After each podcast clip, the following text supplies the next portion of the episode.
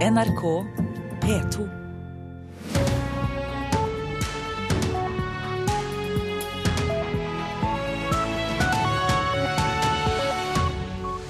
Her er Nyhetsmorgen med Per Arne Bjerke i studio, og vi fortsetter med disse sakene. Norge i alarmberedskap. PST er med oss i sendingen for å fortelle hvilke vurderinger politiet gjør nå i morges. Folk har krav på å få vite hvorfor politiet mener at terrorfaren har økt, sier tidligere generalsekretær i Islamsk råd. Sannsynligvis den islamske gruppen ISIL som står bak terrortrusselen, mener journalist og forfatter.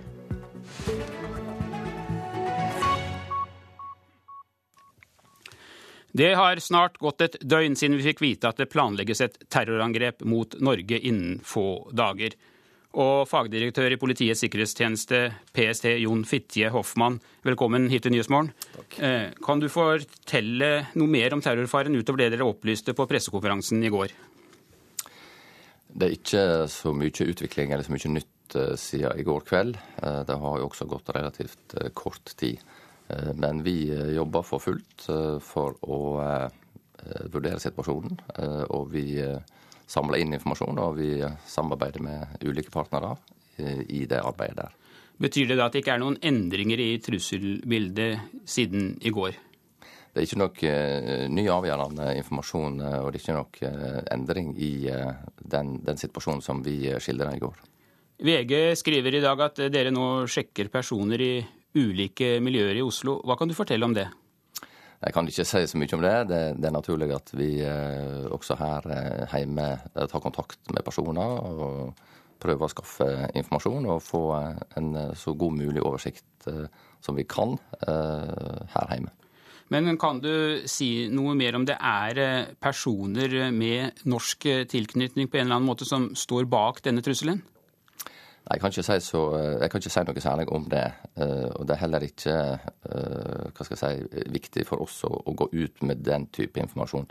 Eh, men vi samler informasjon fra, fra alle mulige kilder som, som, vi har, og fra ulike samarbeidspartnere. Og den prosessen og det arbeidet, det, det pågår for fullt. Hva jobber dere konkret med akkurat nå?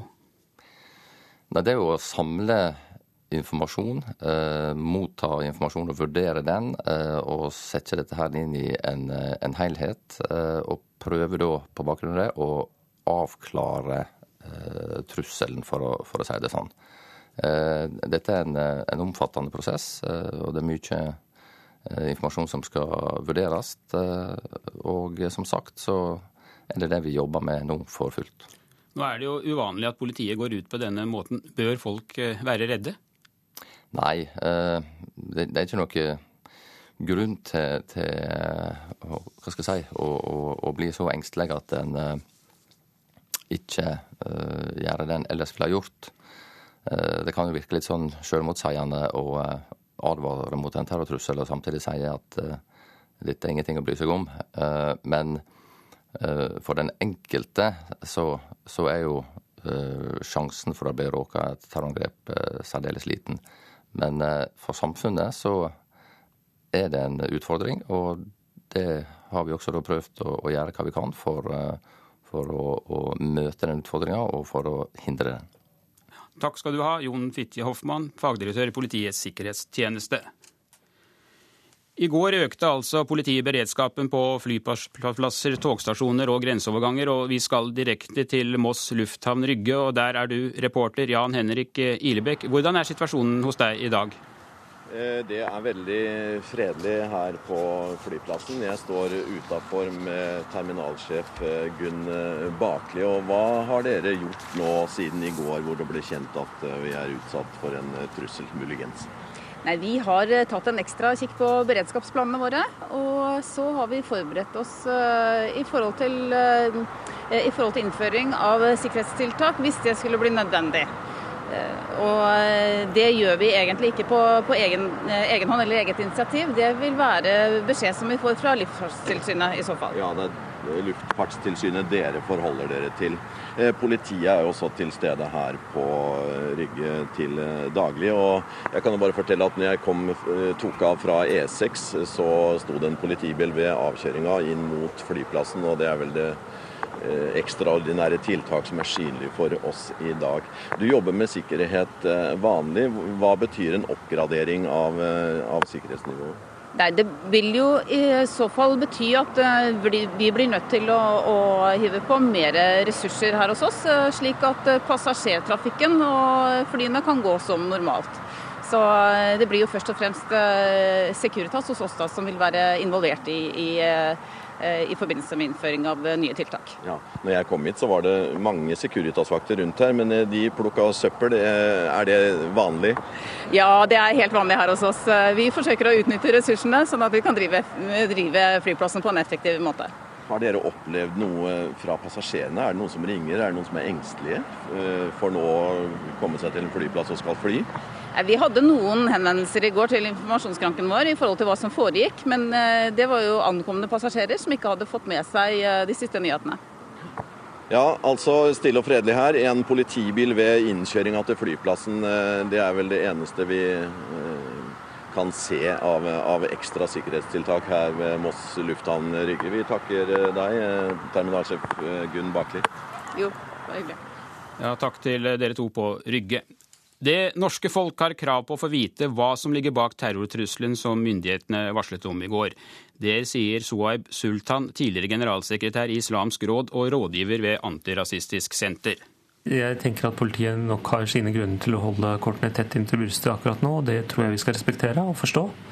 Eh, men over tid så både håper og tror jeg at vi får vite mer. Når man går ut på en såpass dramatisk måte, så syns jeg nesten at vi skal si at det har vi krav på. I går gikk PST ut med informasjonen om at en terrorhandling er planlagt mot Norge i løpet av få dager. Beredskapen er hevet. Væpnet politi er synlig på flere offentlige steder. Befolkningen har fått beskjed om å være oppmerksomme dersom noe skulle virke uvanlig. Sultan mener det er nødvendig at vi om en stund, når ting er mer avklart, får vite hva trusselen dreier seg om. Det er jo svært uvanlig at man går ut på den måten. Jeg er rett og slett litt nysgjerrig på hva som, hva som ligger bak, hva man har fått vite. Men justisminister Anders Anundsen har foreløpig svært lite å si om kravet fra sultan. Det er ingen kommentar til. Arbeiderpartiets Hadia Tajik sier hun forutsetter at vi alle får vite alt, bortsett fra sensitive opplysninger om kilder og lignende. Vi på Stortinget har tilgang på den samme informasjonen som eh, det folk ellers eh, har tilgang til, eh, og jeg forutsetter forutsetter at eh, dersom eh, politiet eller PST har noe mer informasjon som det er mulig å dele, at vi da selvfølgelig får eh, tilgang på den. Reporter her var Kristine Næss Larsen og Anna Rydland Nærum. Det er sannsynligvis den islamistiske gruppa ISIL som står bak terrortrusselen mot Norge. Det tror du, Kjetil Stormark, forfatter og journalist med etterretnings- og sikkerhetspolitikk som spesialfelt. Hvilke grunner har du for å tro at det er ISIL som står bak trusselen? Ja, og når jeg tenker på ISIL, så er det ikke gruppen som sådan eh, og gruppens ledelse, eh, men eh, grupperinger med tilknytning til ISIL. Det er en ganske viktig nyanse. Fordi ISIL som gruppering har hittil prioritert å vinne terreng og beholde terreng i Irak og Syria for å etablere sitt kalifat, som de gjorde 29.6, og nå beholde da terreng og forsvare det mot eh, motangrep fra den irakiske hæren, bl.a. Dette handler om en viktig strategisk seier i gruppens egne øyne. Eh, de har foreløpig ikke prioritert å angripe mål i Europa. Eh, mange etterretnings- og sikkerhetstjenester frykter at den utviklingen skal komme. Eh, men nettopp pga. denne strategiske prioriteringen som de hittil har gjort, eh, så tror jeg dette handler om personer med tilknytning til gruppen, eh, og som eh, av en eller annen mer privat, personlig årsak har et uoppgjort tema med, med Norge. Hva slags tips tror du at PST har fått? Ja, det er litt interessant å se hvor tidlig amerikanske tjenestemenn er på banen og hvor eh, informerte de synes å være. Det kan antyde eh, at eh, det kan være amerikansk etterretning som den informasjonen kommer fra. Eh, CA eller eh, utskjelte NSA eh, kan gjerne ha fanget opp eh, kommunikasjon, eh, telefonsamtale eller annen trafikk inn og ut av Syria. Vi vet at eh, de følger med på det meste som skjer av trafikk inn og ut av Syria når det gjelder telefonsamtaler og slike ting. Det kan òg forklare hvorfor justisministeren er tilbakeholden i å dele informasjon med Stortinget, fordi at det er problematisk å gi fra seg informasjon som man har fått fra samarbeidende tjenester, som ofte er veldig sterkt klausulert. Hvilke terrormål kan være aktuelle her i landet, slik du ser det? Det som er problemet her, er at eh, det er flere elementer som gjør det litt krevende å spå om det. Det ene er at eh, den internasjonale jihadistbevegelsen har blitt mye mer fragmentert de siste årene. Og de har litt en ulik tilnærming til strategi. Det drives ikke en ubetydelig nyutvikling i forhold til tankegang om mulige mål, som man kan velge seg ut. Eh, men hvis vi ser for oss hva de har gjort før, uten man kan trekke det for langt, så har man ofte angrepet eh, kollektivtrafikk eh, og knutepunkt, eh, og, og i noen sammenhenger også symbolbygninger. Kan det skremme terroristene fra å gå til aksjon etter at politiet gikk ut på den måten de gjorde i går formiddag? Ja, jeg tror jo det langt på vei er det som er motivasjonen bak å gå ut på den måten man gjorde i går. Ehm, og at håpet er at man skal skremme de som har planer om å eh, gjennomføre et mulig angrep eh, fra å eh, angripe når de ser at risikoen for å mislykkes med en mulig aksjon er mye større nå enn før. Takk skal du ha, Kjetil Stormark. Du hører på Nyhetsmorgen. Klokka er 7.14, og dette er hovedsaker i nyhetene. Folk trenger ikke å være redde, sier analysesjefen i PST. Folk har krav på å få vite hvorfor politiet mener at terrorfaren har økt, sier tidligere generalsekretær i Islamsk råd. Sannsynligvis den islamske gruppen ISIL som står bak terrortrusselen, mener journalist og forfatter. Og USAs utenriksminister foreslår våpenhvile i Gaza, og vi skal straks til vår reporter i området for å få siste nytt derfra.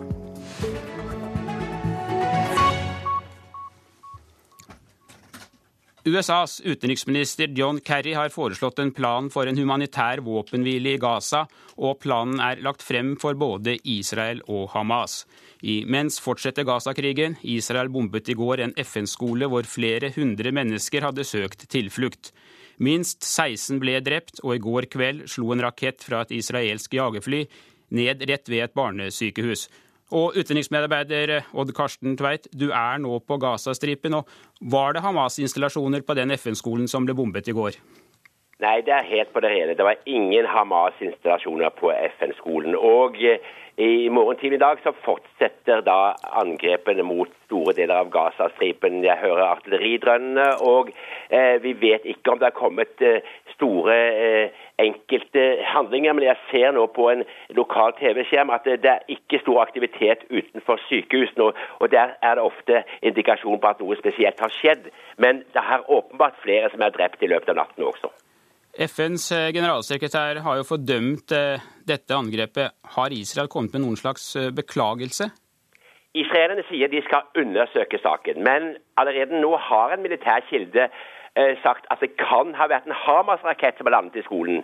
Dette er selvsagt en del av den israelske propagandakrigen, og det er helt klart at det var israelske artillerigranater fra et stridsvogn som drepte de 16 kvinnene og barna og FN-satte på skolen. Men eh, kan skolene ha blitt angrepet eh, ved en feiltagelse? Det er ikke første gang at FN har angrepet skoler på Gazastripen der flyktningene har trodd de har fått beskyttelse. Og det er heller ikke første gang at FN har gitt israelske eh, de militære kartkoordinatene hvor skolene ligger, og like fullt er de angrepet. I dette tilfellet så forsøkte FN også å forhandle fram et tidsvindu der flyktningene i skolen skulle få det evakueres, men de fikk ikke noe svar. Men det har Israel benektet. Iallfall er det helt klart at denne skolen da lå i et sted der det var lett å se hva som lå som mål. Hvordan vurderer du muligheten for våpenhvile etter at USAs utenriksminister kom med dette forslaget nå i morges? Det er en liten antydning på at noe kan komme i gang nå. Fordi Hamas sin leder i utlandet har sagt at det, hvis det internasjonale samfunnet garanterer at eh, våpen, altså at, at isolasjon av Gazastripen skal opphøre, ikke at det bare er snakk, slik som det har vært ved tidligere våpenhviler, så kan det bli en åpning eh, når da muslimenes eh, ramadan, hellige måned, da, går mot slutten i helgen nå.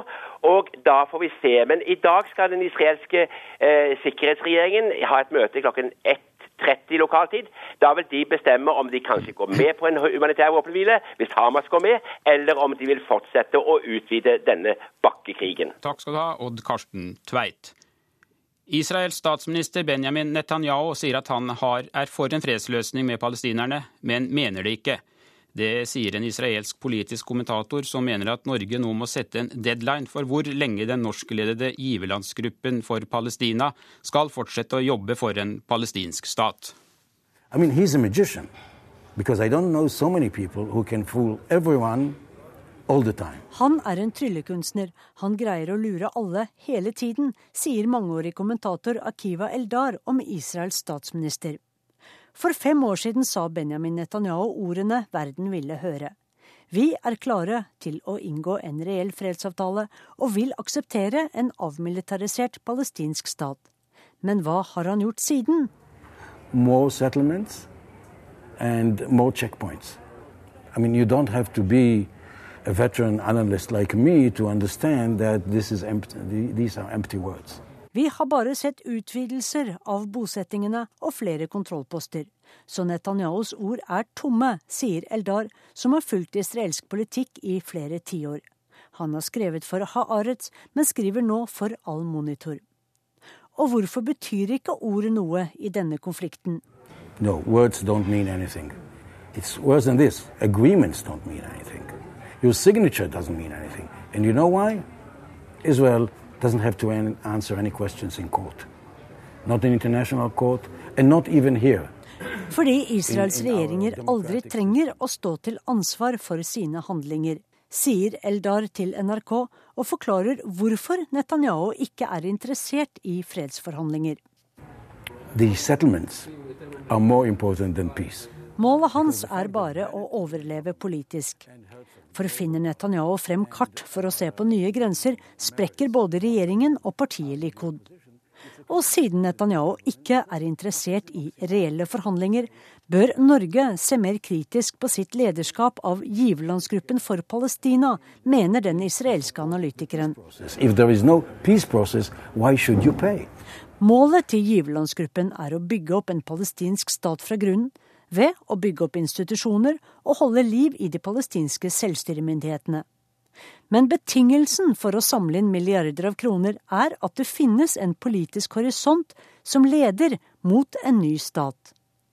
Men etter at utenriksminister John Kerry ikke greide å få i gang nye forhandlinger, og etter at Netanyahu torpederte det palestinske samlingsforsøket i sommer, ser det mørkt ut.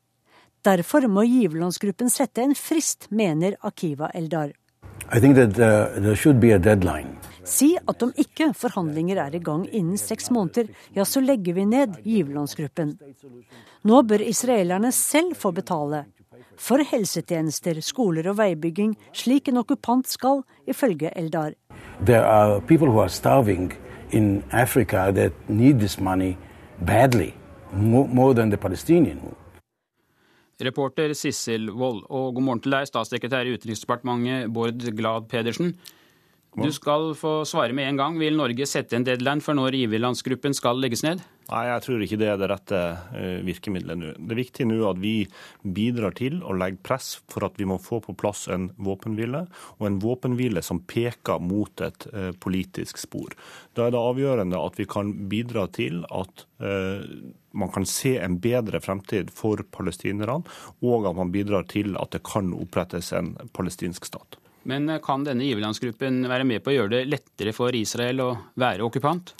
Ja, Den virkelige testen på det får du jo hvis du spør eh, palestinerne. Og det den palestinske presidenten Abbas nå ber om, er jo ikke å legge ned eh, gruppa, men tvert imot å intensivere eh, arbeidet. Og Det er jo en resultat av også et ønske fra han at Norge har sagt seg villig til å arrangere en giverlandskonferanse i Norge, forutsatt at vi får en våpenhvile på plass, fordi at det kan bidra også i retning av en politisk løsning. Men eh, ser du det dilemmaet som som den israelske kommentatoren peker på i det innslaget vi nettopp hørte? Ja, jeg, jeg ser det dilemmaet. Det er viktig at Israel også vet at dette kan ikke foregå eh, inn i evigheten. Men jeg tror det vil være et galt virkemiddel å nå sette tidsfrister og eh, deadline.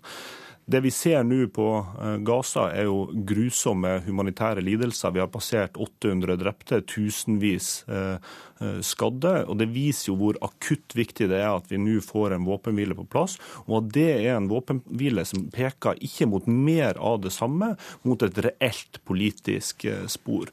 Eh, utenriksministeren er jo i løpende kontakt med andre aktører eh, i det eh, arbeidet. Nå ser det ut som at det kan være Eh, fremskritt eh, på gang, og at vi kan da få på plass en, en, en våpenhvile i løpet av noen dager. Nå har jo Norge hatt en eh, nokså sentral posisjon i Midtøsten i mange år, så det er kanskje også vår interesse å fortsette? Ja, det er definitivt i vår interesse å fortsette. Vi har en rolle som følge av at vi leder giverlandsgruppa, og som følge av at vi lyttes til av alle partene. Det gir oss et ansvar for å bidra til å få på plass en fred. Å legge ned giverlandsgruppa vil jo være å de facto gi opp en tostatsløsning. Det er ikke vi forberedt på å gjøre. Vi må fortsette arbeidet for å få på plass en tostatsløsning, som er den eneste måten man kan få varig fred i Midtøsten. Takk skal du ha, Bård Glad Pedersen.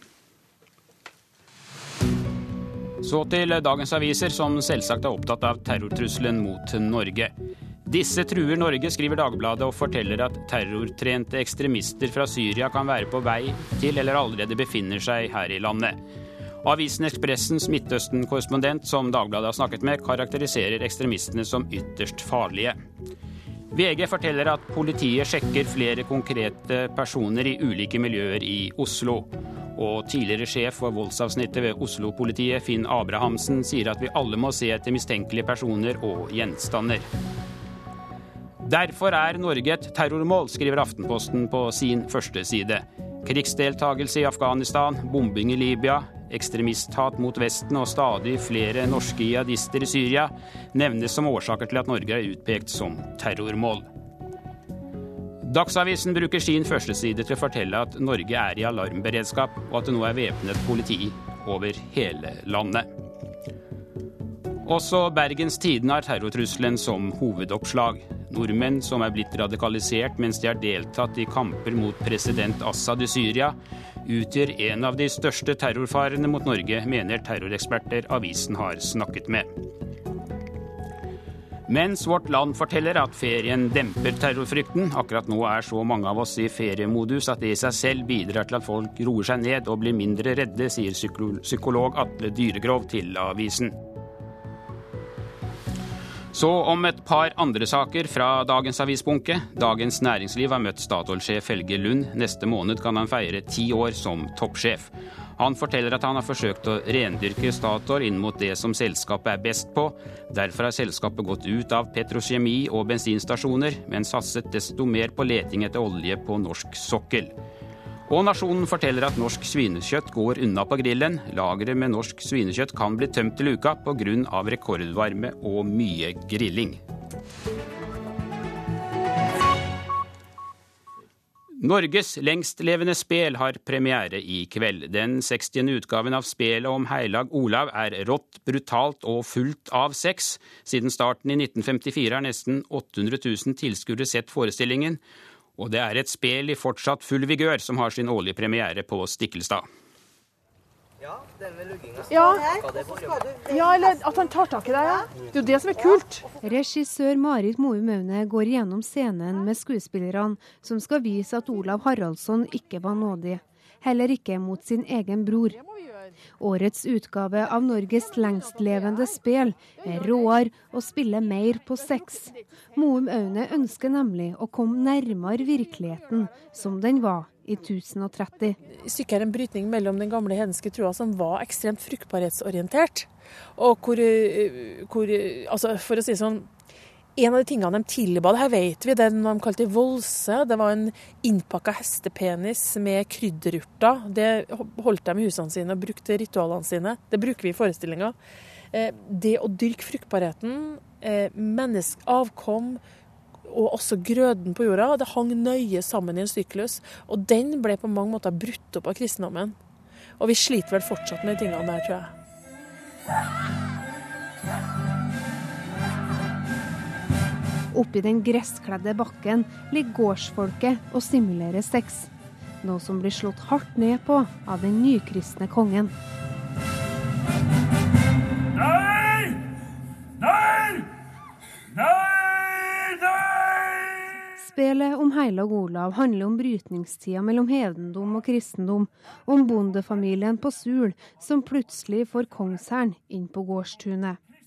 Spelet ble første gang satt opp i 1954 og feirer nå sitt 60. år. Forfatter og spelkjenner Yngve Kvistad mener den enorme dugnadsviljen er en viktig årsak til at spelet har levd så lenge. Det andre er selvfølgelig spelet seg sjøl. Eh, Pål Okkenhaugs formidable musikk, og så er det Ola Gullvågs eh, tekst. da.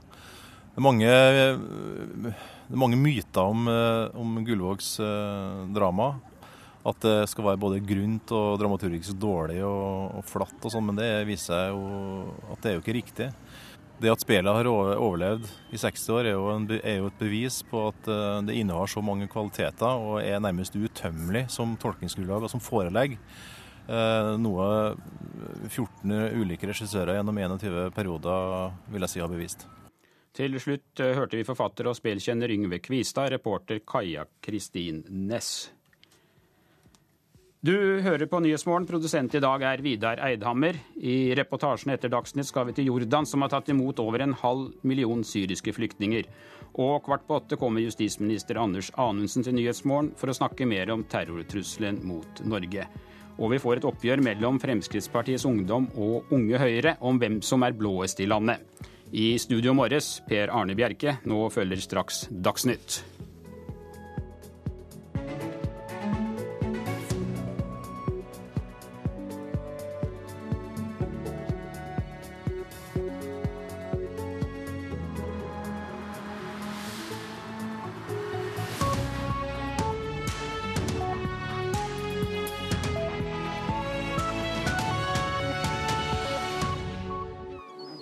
Sommer i P2. Jeg heter Anitra Therese Eriksen. I Sommer i P2 i dag skal jeg bl.a. fortelle om hvordan jeg havna i senga til en Paul Simon. Sommer i P2. Kjente stemmer inviterer deg nærmere.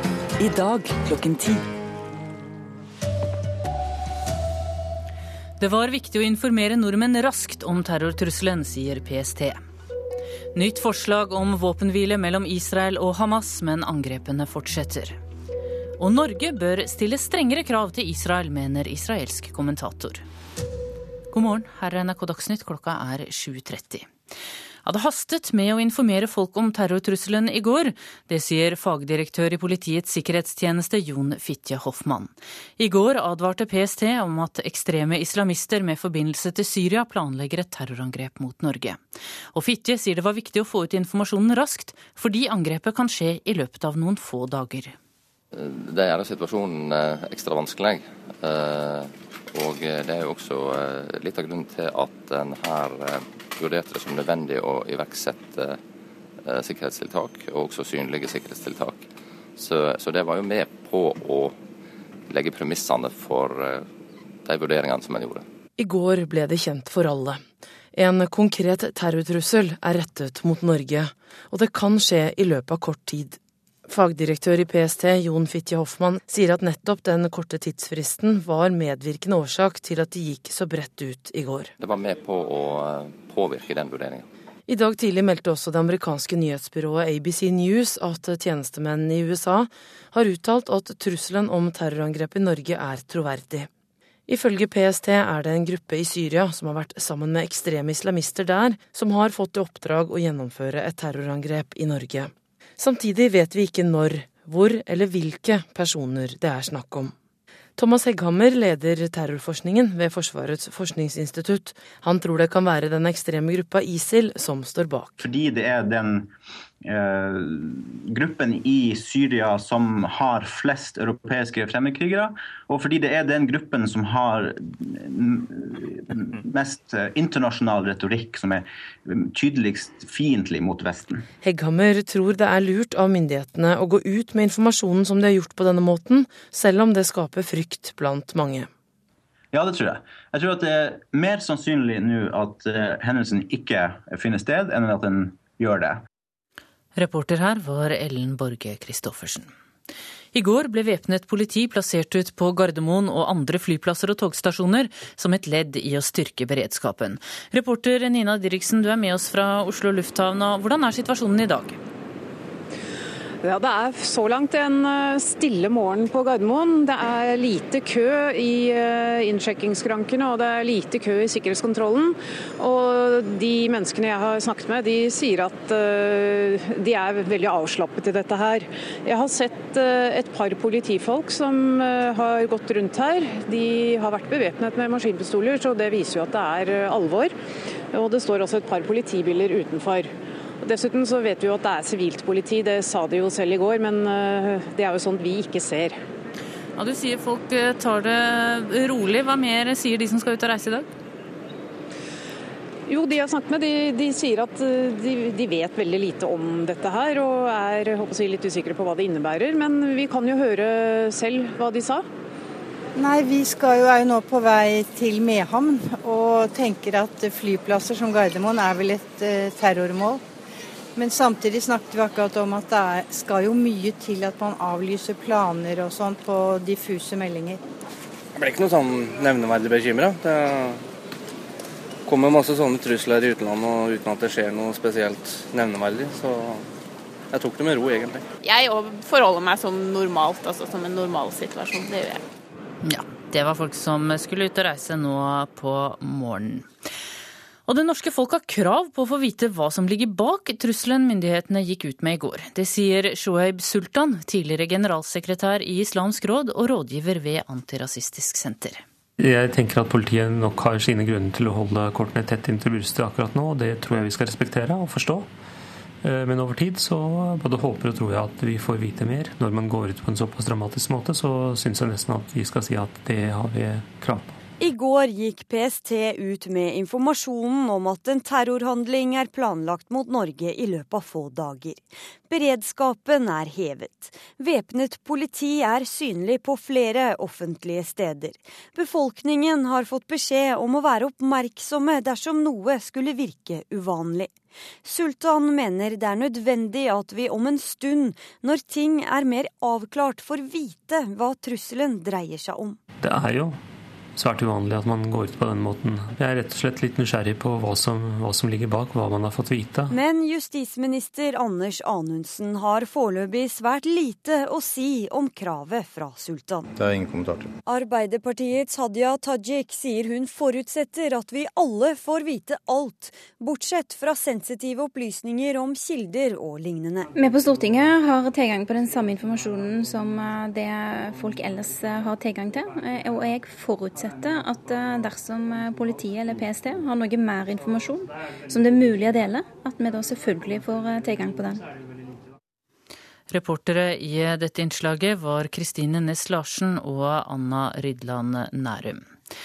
Så til Gaza, der 800 palestinere til nå er drept i israelske luftangrep. I går bombet israelske styrker en barneskole drevet av FN. 16 mennesker mistet livet i dette angrepet. USAs utenriksminister John Kerry har nå lagt frem et nytt forslag til våpenhvile. Vår reporter Odd Karsten Tveit er i Gaza, og han sier at det kan skje noe nå. Det er en liten antydning på at noe kan komme i gang nå. Fordi Hamas sin leder i utlandet har sagt at det, hvis det internasjonale samfunnet garanterer at eh, våpen, altså at, at, isolasjon av Gazastripen skal opphøre, ikke at det bare er snakk, slik som det har vært ved tidligere våpenhviler, så kan det bli en åpning eh, nå da muslimenes eh, ramadan, hellige måned, går mot slutten i helgen nå. Og da får vi se. Men i dag skal den israelske eh, sikkerhetsregjeringen ha et møte klokken ett 30 lokaltid. Da vil de bestemme om de kanskje går med på en humanitær våpenhvile, hvis Hamas går med, eller om de vil fortsette å utvide denne bakkekrigen. Norge bør stille strengere krav til Israel for å fortsette arbeidet med giverlandsgruppen for Palestina. Det sier en israelsk kommentator som mener Israels statsminister Benjamin Netanyahu ikke mener alvor når han sier at han er for en fredsløsning med palestinerne. For fem år siden sa Benjamin Netanyahu ordene verden ville høre. Vi er klare til å inngå en reell fredsavtale og vil akseptere en avmilitarisert palestinsk stat.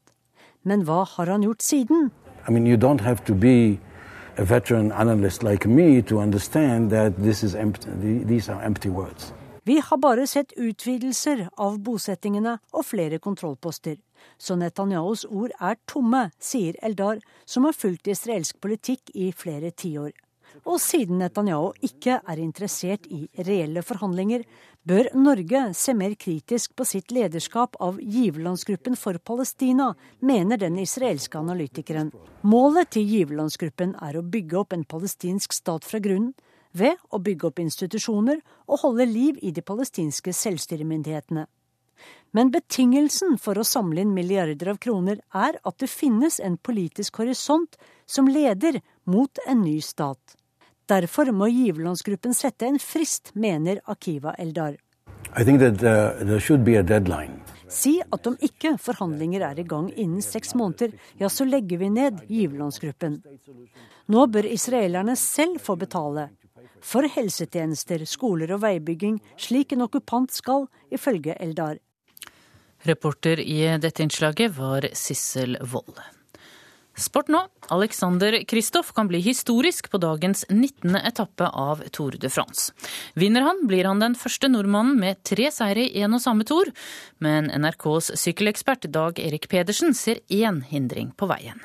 Det kommer én utfordring noen få kilometer fra mål. Det er en fjerde kategori, den eneste bergprisen eh, på hele etappen. Det er utfordringa til Kristoff. Det er en løype som kan gå bra, men eh, de andre dagene det har vært sånn, så har jeg akkurat ikke klart det. Så kanskje det går i morgen, da. Det sier Alexander Kristoff om dagens etappe. Tidligere proffsyklist Atle Kvolsvold tror Kristoff er den spurteren som har samlet mest krefter på fjelletappene de siste dagene, og derfor kan han vinne. Alexander regner med kanskje har kjørt billigst av alle, og har sannsynligvis igjen mest krefter. da, så han har en veldig god sjanse til å ta en ny seier. Det blir morsomt å være norsk, ikke bare i Frankrike de siste tre dagene, men også for oss som følger her hjemmefra. Så jeg tipper Kristoff er med og slåss om etappeseieren, og jeg tror også han har store muligheter for å vinne. Reporter her var Emilie Hall Torp. Få med deg Nyhetsmorgen i P2 om noen minutter. Der er justisminister Anders Anundsen gjest. Ansvarlig for Dagsnytt er Arne Fossland. Teknisk ansvarlig Marianne Myrhol. I studio Tone Nordahl. Og Nyhetsmorgen fortsetter. Tidligere denne måneden ba FN Europa ta imot flere flyktninger fra det krigsherjede landet. Det lille landet Jordan har nå tatt imot over en halv million syriske flyktninger. I denne reportasjen som ble sendt for første gang i mars, skal vi til byen Irbid og gutteskolen Abu Bakar Sadek, som over natta fikk dobbelt så mange elever.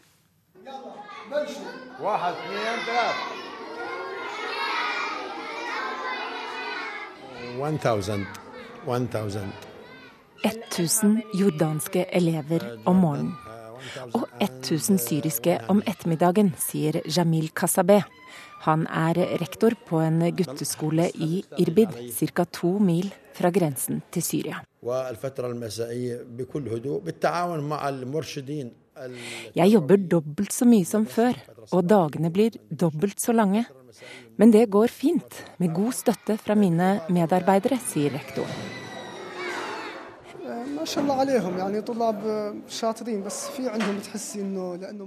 Elevene fra Syria er stillere enn de jordanske, sier læreren Nu Guslan. Mange har store traumer i skolesekken.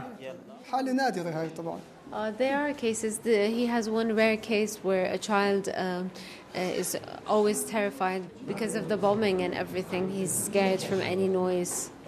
Suer Savalia fra Redd Barna i Jordan oversetter. He tries to be always uh, with them uh, to make him feel uh, comfortable.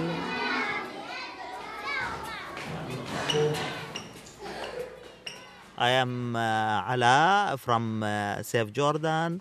I come uh, to talk with you about education. About jeg banker på døra og sier salam aleikum, jeg er Allah fra Redd Barna. Jeg vil gjerne snakke med dere om utdanning. Redd Barnas folk går fra dør til dør til de mange syriske familiene som har flyktet til byen. Noen av familiene er redde for å åpne døren, redde for fremmede. Og for mange er ikke utdanning første prioritet. De er mest opptatt av å komme seg i sikkerhet, skaffe seg husly og mat, sier Suar Savalia. Redd Barna har likevel klart å overbevise mer enn 10 000 syriske foreldre i Irbid om at det nettopp nå er viktigere enn noensinne å sende barna deres på skole it's important because when you think, hopefully, when the crisis is over, then these children and these families will need to go back to Syria. And if they haven't uh, gotten their education, then they would have wasted probably years of their lives.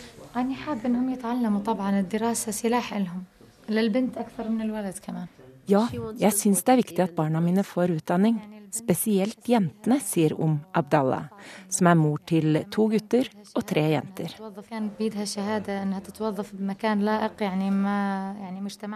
De må gå på skole så de kan få seg jobb og ta kontroll over sin egen framtid, enten det blir i Jordan, et annet land eller tilbake i Syria. Utdanning er deres våpen. the families uh, they've been through a lot um, so it's good for the children to get out of that environment and try to meet new uh, children to the, meet the, the school teachers the Skolen er ikke bare viktig med tanke på fremtiden, sier Suar Savalia. Den gir også trygghet her og nå. Og en viss normalitet i en ellers depressiv og kaotisk hverdag.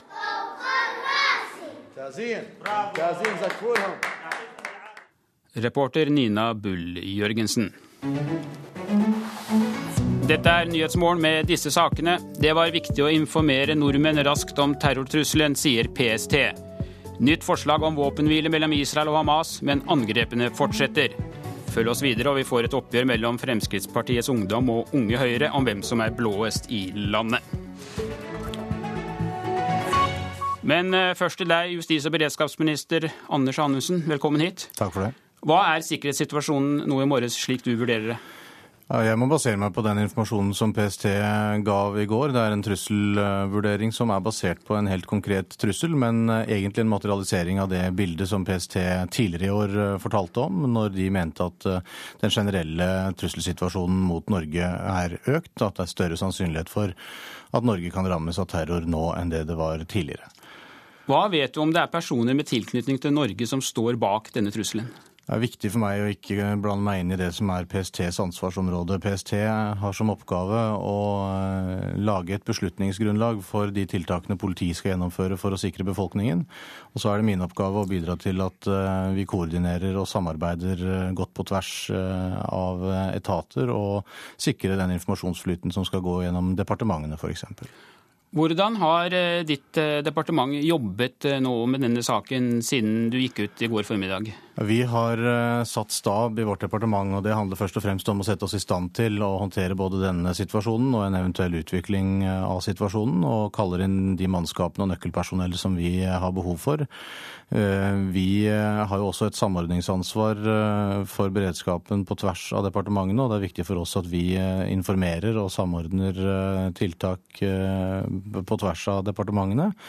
Eh, selv om departementene selv skal sørge for uh, sikkerheten i, i, sine linjer. Og det å, å, være tydelig på den informasjonen, de forventningene som vi har om tilbakemeldinger, og koordinere uh, både uh, mellom oss, politi, PST og forsvar, hvor vi f.eks. har en rolle hvis det er håndhevingsbistandsanmodninger som skal håndteres. I går så fortalte PST oss at terrorhandlingene kunne skje innen kort tid. Kan du fortelle noe mer om hvor lenge vi skal ha et høyt beredskapsnivå? Nei, Dette vil være basert på de vurderingene PST løpende foretar. PST jobber jo nå eh, i, på alle sine vis sammen med politiet for å uh, forsøke å verifisere eller eh, avkrefte den trusselsituasjonen vi nå er inne i. Og Derfor vil vi løpende måtte følge med på hvordan dette utvikler seg. og Det er derfor jeg er veldig opptatt av at folk skal lytte til de rådene politiet nå kommer med, både nasjonalt eh, og lokalt. Men er vi godt nok forberedt på en slik situasjon, altså et nytt terrorangrep mot landet vårt? Vi er nå så godt forberedt som vi kan være, eh, basert på den informasjonen vi har. Eh, og det er det som skjedde i går. Eh, da var PST tydelig med sin vurdering av terrortrusselen. Politiet møtte den nye trusselen med de tiltakene som politiet har gjennomført. Og jeg er trygg på at de tjenestene gjør alt som nå står i deres makt for å forhindre, avverge og oppklare. Nå ser vi jo da det som er litt uvanlig her i landet. Væpnet politi på jernbanestasjonene, væpnet politi på flyplassene. Er det trygt i Norge? Ja, Politiet er jo veldig tydelig på at det ikke er holdepunkter for at vi skal endre vår atferd. Eh, det syns jeg er eh, gode råd å ta med seg eh, i måten vi skal leve livene på. Det er alltid et dilemma når en varsler befolkningen om denne typen tilfeller. Om vi da hjelper terrororganisasjonene å oppnå målet sitt, som er å spre frykt og ødelegge vår måte å leve på. Det skal det ikke lykkes med. Men jeg mener at den situasjonen vi står oppe i nå, så er det riktig å informere om det vi vet. Og det ville vært veldig rart, syns jeg, hvis vi ikke skulle informere om bakgrunnen for at folk begynte å se bevæpna politi rundt omkring eh, i gatene. Det er jo ment for å sikre tryggheten vår. Nå sier tidligere politisjef Finn Abrahamsen til avisene i dag at folk bør være ekstra på vakt hvis de ser mistenkelige gjenstander eller mistenkelige personer. Hvilket råd vil du gi folk? Ja, Det samsvarer jo med det rådet som politiet også har gitt, at folk skal være litt ekstra aktsomme og aktpågivende. Øh, og hvis de ser noe som er mistenkelig, så øh, bør man melde ifra til politiet. Men med mistenkelig så må det være noe som er øh, reelt mistenkelig. At man kan sette det i en sammenheng. Utfordringen ved tidligere terroraksjoner har jo vært at en har kunnet observere enkelte tegn eller hendelser i forkant som man ikke har satt i sammenheng med en utført terroraksjon før det er for sent. Og Derfor er det viktig at folk er litt ekstra oppmerksomme. Jeg tror det er også viktig at eh, de lytter til eh, politiet når de eh, ber om eventuelt at man skal være oppmerksom på helt spesielle ting osv. Men der er vi ikke nå. Nå er det jo helt uvanlig at ja, både Justisdepartementet og politiet er så åpne som det vi så i går. I hvilken grad tror du at dere kan bidra til å hindre et angrep å gå ut på denne måten? For det første så tror jeg vi bør eh, være tydelige på at selv om dette er uvanlig i Norge, så er det ikke like uvanlig i en del andre land. Og dette er en konsekvens av at trusselnivået i Norge er eh, økt. Eh, jeg tror man må forberede seg på i fremtiden at man oftere ser denne typen oppeskalering av ressursinnsats, både i forebyggende øyemed og i beredskapsøyemed.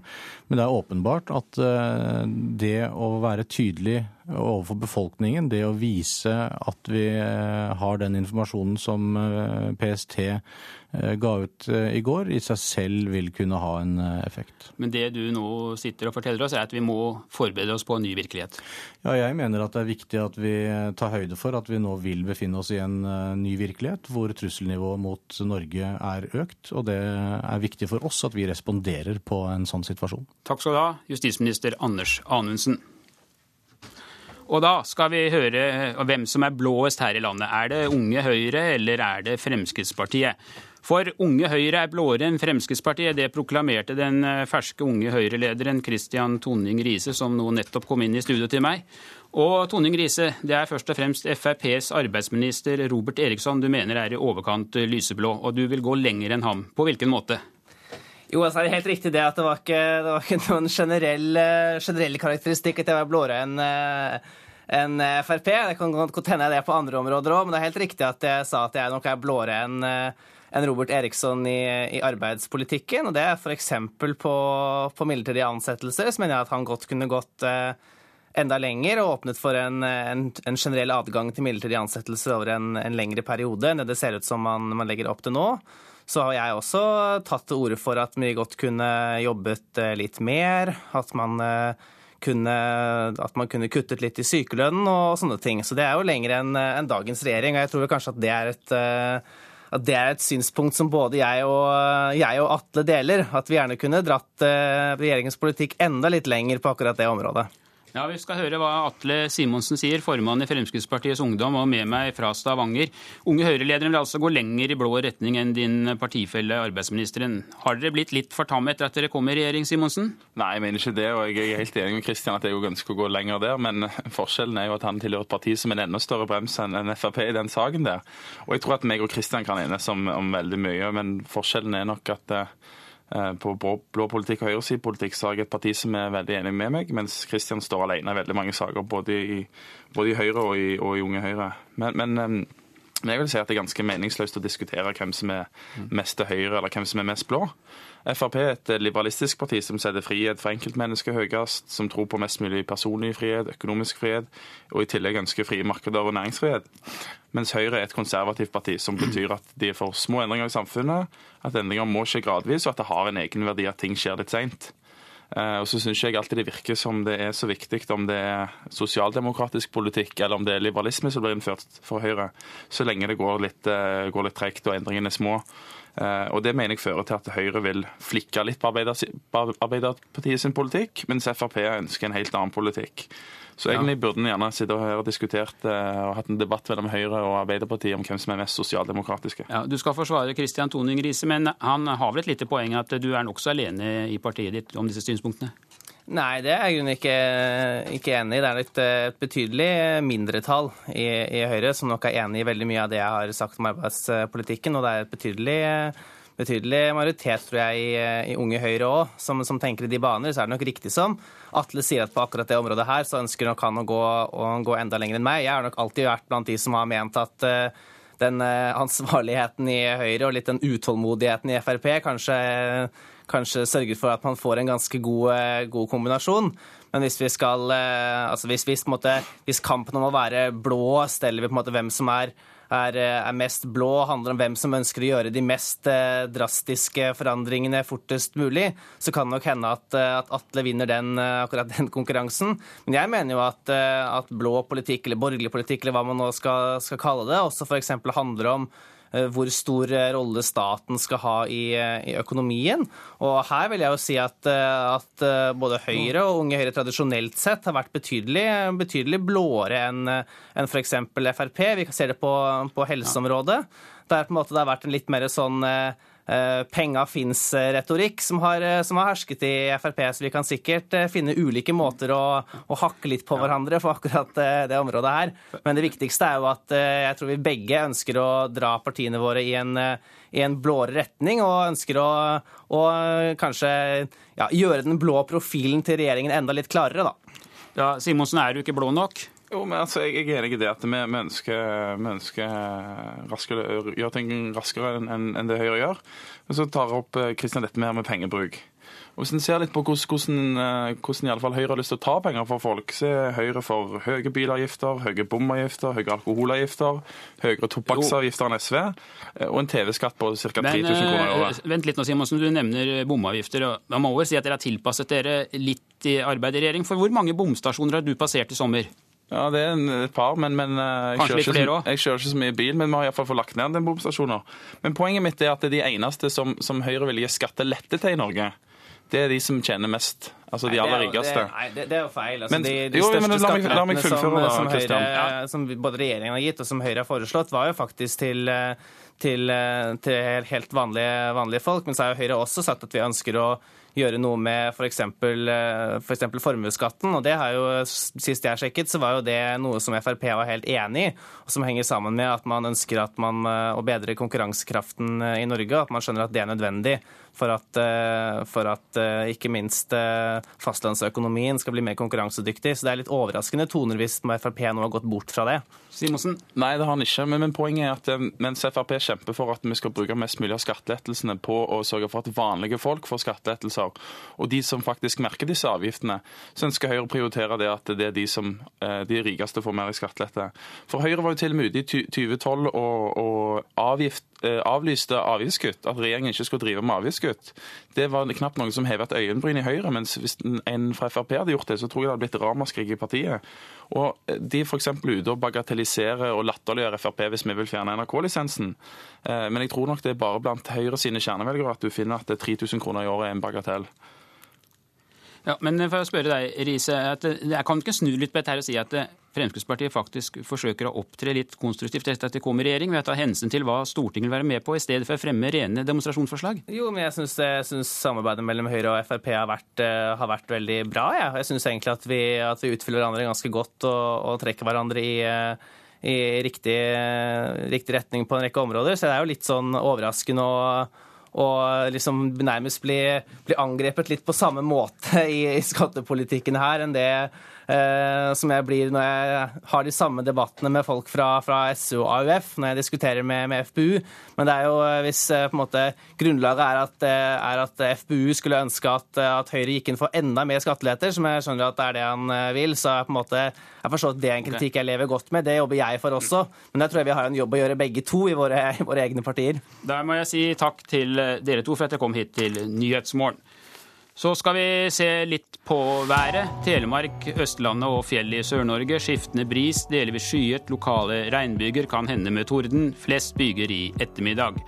Agder skiftende bris, pent vær. Mulighet for ettermiddagsbyger i indre strøk. Kan hende med torden. Rogaland skiftende bris, utrygt for lokal tåke på kysten. Delvis skyet, enkelte lokale regnbyger og kan hende med torden. Vesentlig i ettermiddag. Hordaland og Sogn og Fjordane skiftende bris, lokal tåke på kysten først på dagen, for øvrig delvis skyet. Enkelte lokale regnbyger og utrygt for torden, vesentlig i ettermiddag. Møre og Romsdal og Trøndelag skiftende bris, utrygt for lokal morgentåke på kysten. Lokale ettermiddagsbyger med torden i indre strøk, ellers pent vær, spesielt i Trøndelag. Nordland får skiftende bris, utrygt for tåke på kysten, for øvrig pent vær. Mulighet for ettermiddagsbyger også der, i indre strøk, i kveld til skyene. Troms skiftende bris, delvis skyet, periodevis pent vær. I kveld tilskyende, utrygt for tåke på kysten. Finnmark minking til vestlig frisk bris, først i vest. Enkelte regnbyger i ytre strøk, ellers skyet eller delvis skyet. På vidda en del sol, utrygt for tåke på kysten. Og Nordensjøland på Spitsbergen skiftende bris, delvis skyet oppholdsvær. Fra i kveld blir det regn.